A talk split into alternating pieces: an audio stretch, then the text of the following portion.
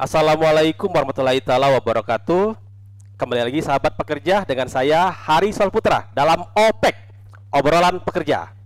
Dan pada hari ini kita kenal luar, orang luar biasa yang saya pikir perlu dimunculkan. Kenapa? Karena sosok ini pastinya menginspirasi, mengedukasi dan juga memotivasi kita untuk selalu lebih baik lagi. Baik, nggak ke mana-mana, tetap stay tune dengan saya Hari Solputra dalam OPEK obrolan pekerja.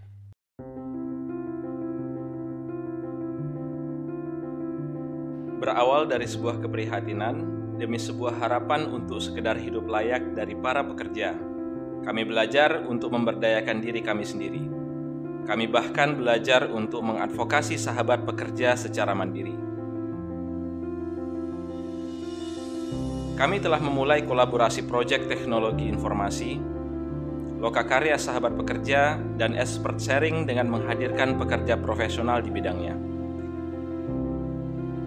Ayo ikut menjadi bagian dari perubahan besar bangsa ini bersama Sahabat Pekerja Indonesia.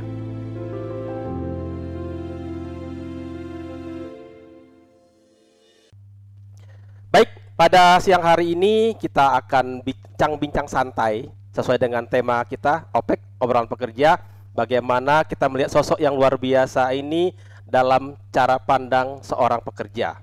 Beliau pernah menjadi mungkin uh, menginspirasi pernah jadi TKI walaupun dalam tanda petik ekspatriat begitu uh, yang expert tetapi kita akan mengulik dari mana sebenarnya sosok yang luar biasa sih.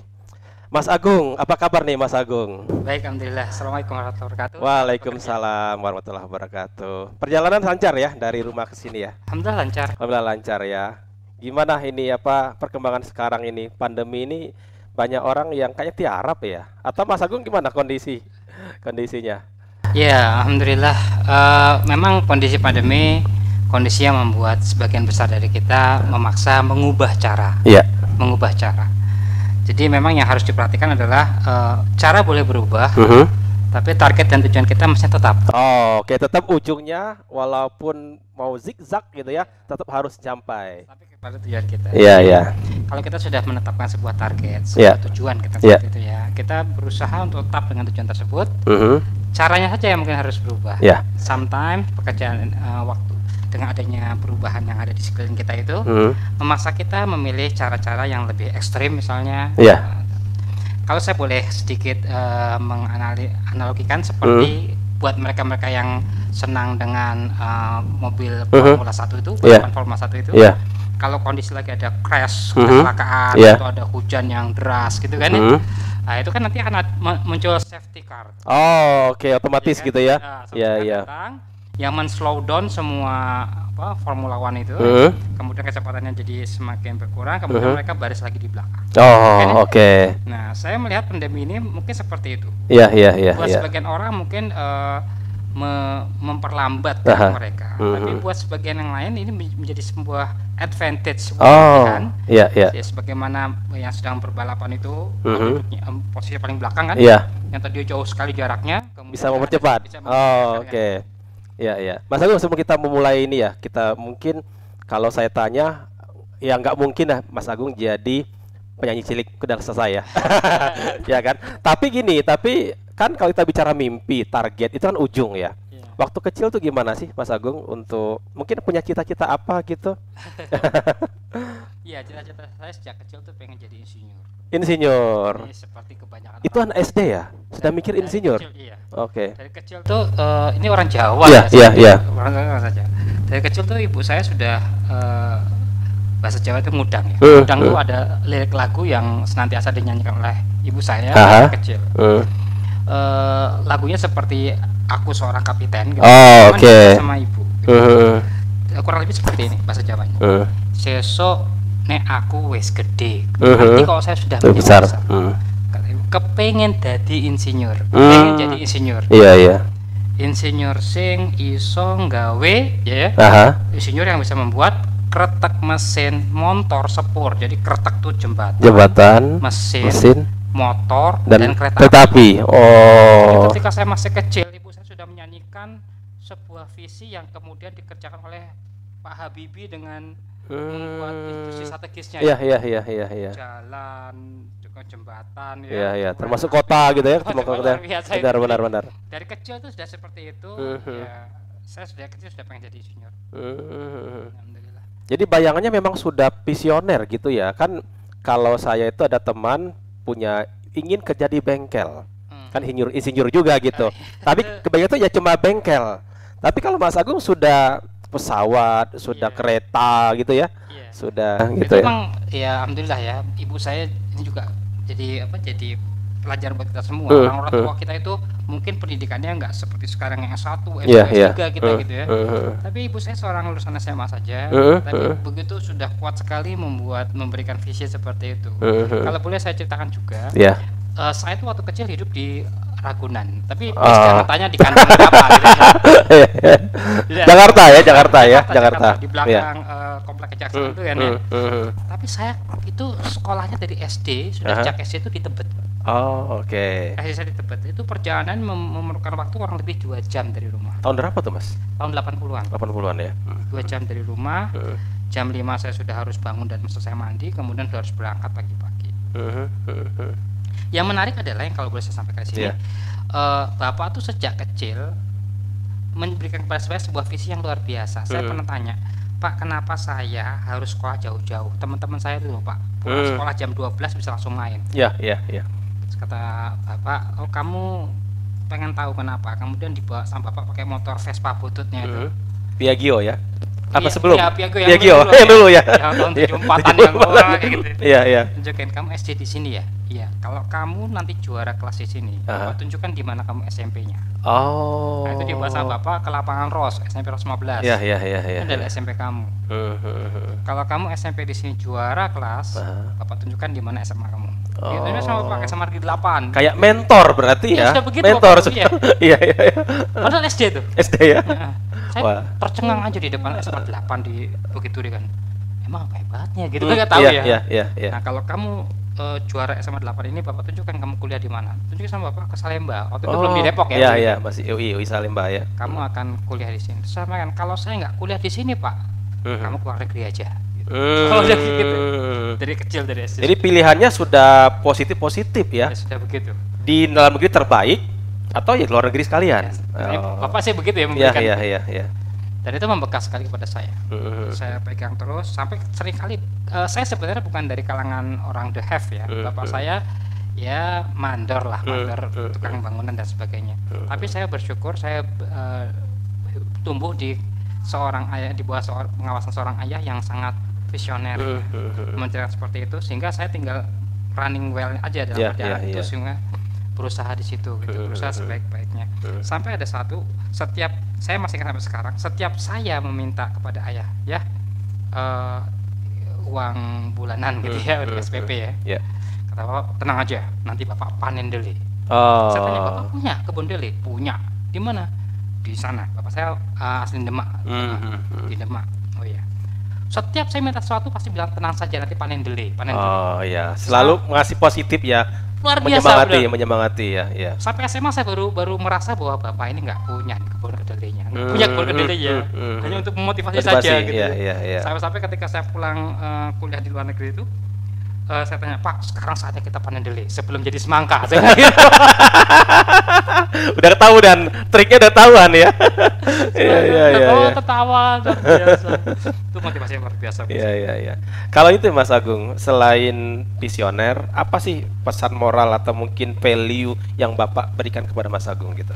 Iya, selain itu, keras. selain tadi kerja Kerja keras. keras. Jadi, kerja keras ya. Eh, saya termasuk yang sejak kecil em, ditanamkan bahwa yang namanya opportunity, yang Mhm. namanya kesempatan itu sudah tersedia. Hmm, hmm, Allah hmm. itu dengan rahmatnya Ya, ya. memberikan kesempatannya itu sangat luar biasa di atas muka bumi. Hmm, Yang yang tidak ada adalah kompetensi atau Oh, kemampuan. oke. Kemampuannya itu yang terbatas. Ya, Tidak ya, setiap ya. orang punya kompetensi. hmm, hmm, hmm, hmm. Hanya mereka yang mau memperkuat dirinya dengan kompetensi yang baik, dia akan bisa mengelola opportunity, Opportunity. atau kesempatan yang ada. Iya iya.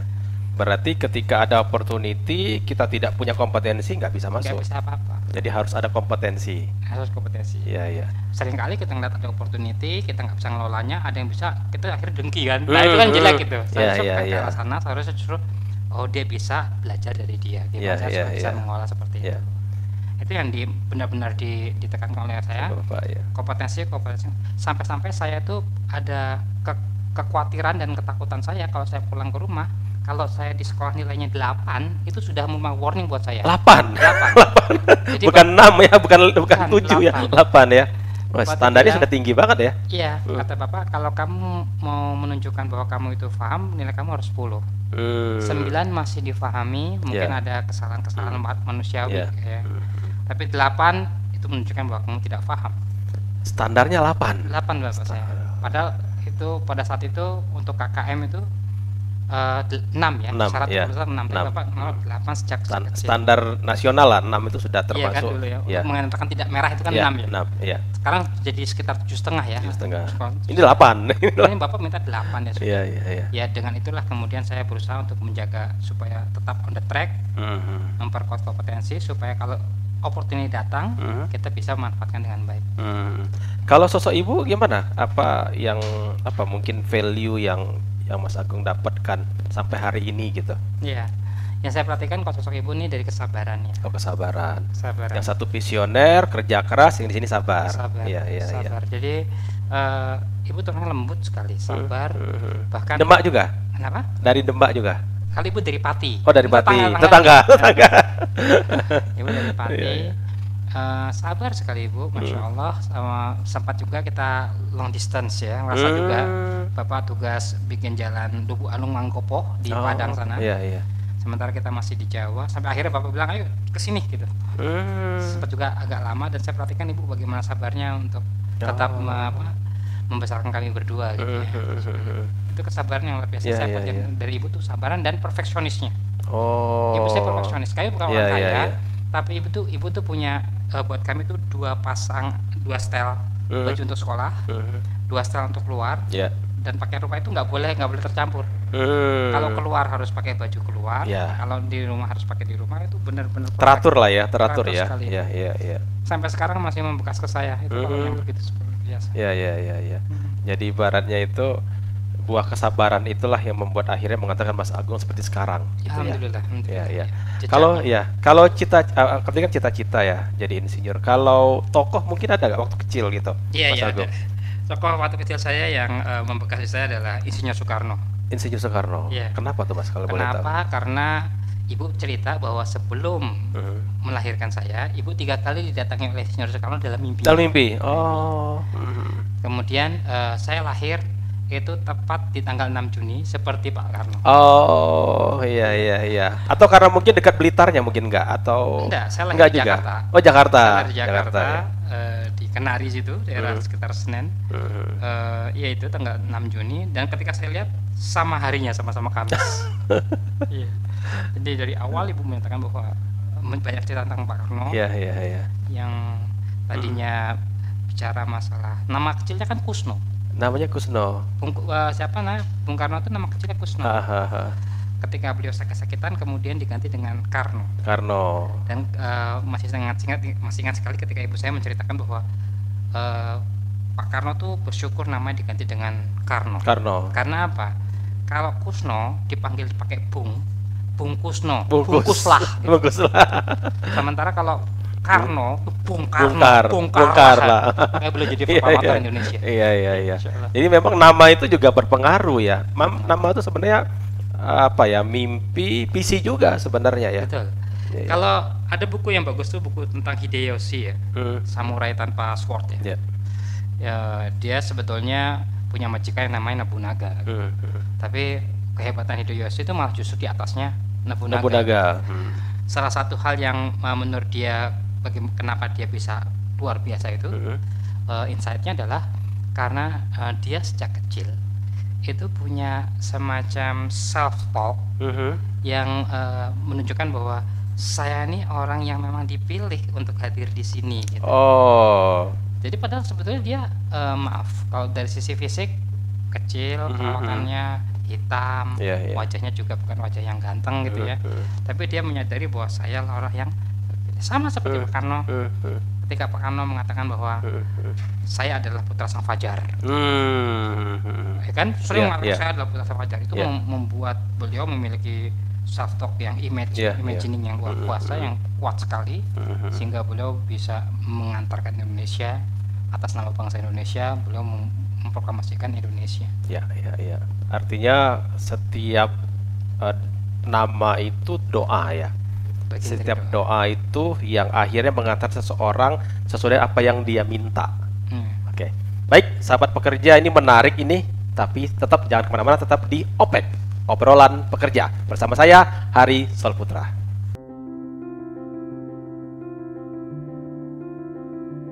Berawal dari sebuah keprihatinan demi sebuah harapan untuk sekedar hidup layak dari para pekerja. Kami belajar untuk memberdayakan diri kami sendiri. Kami bahkan belajar untuk mengadvokasi sahabat pekerja secara mandiri.